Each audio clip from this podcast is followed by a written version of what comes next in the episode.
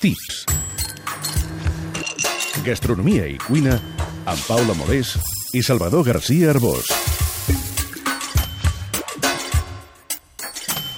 Caragols. Cargols.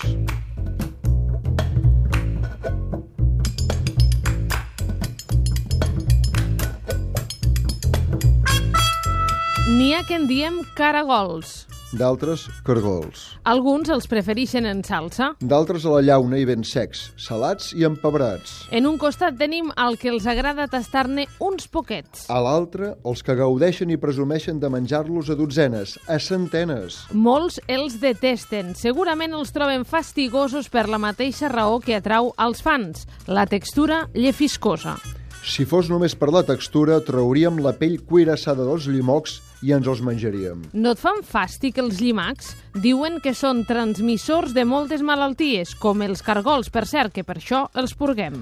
L'altre dia, a sota el volcà de la Crosa, una plèiade de gent diversa em van fer menjar cargols sense closca.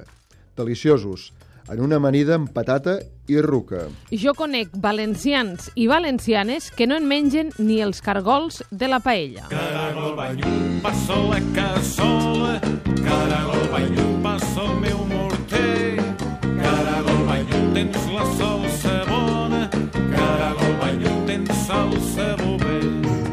Hi ha moltes espècies de caragols, però el bover és l'espècie més comuna per a la cria en captivitat. Els cargols són mol·luscs gasteròpodes. Tenen una fina closca calcària, llisa o amb ratlles negro-liloses sobre un fons marronós, groguenc o rosat. Precisament els terrenys calcaris on hi ha tòfona solen ser els més propicis per als cargols. Surten quan plou i fa sol.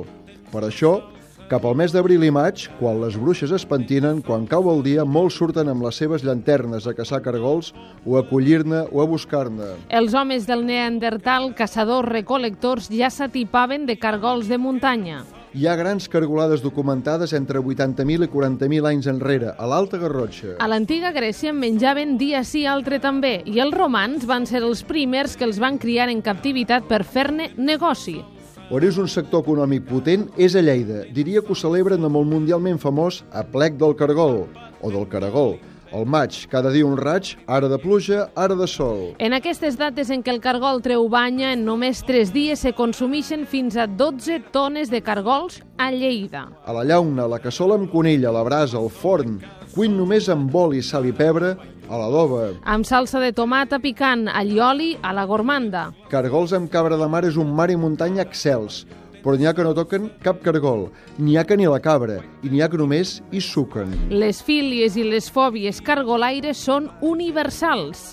El baró rampant, gran novel·la dita a lo Calvino, el baró decideix enfilar-se als arbres i no tocar mai més de peus a terra, empipat amb el seu pare que li volia fer menjar un plat de cargols. Tota la meva solidaritat amb ell. Molts també pujarien dalt els arbres amb la idea futura de menjar insectes, font de proteïna igual que el cargol.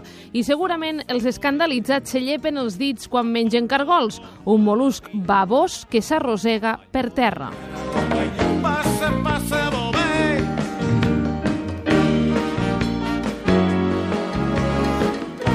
La versió escrita del Tips la podeu llegir a la revista Cuina. I si no us en voleu perdre cap, també us podeu subscriure al podcast del programa.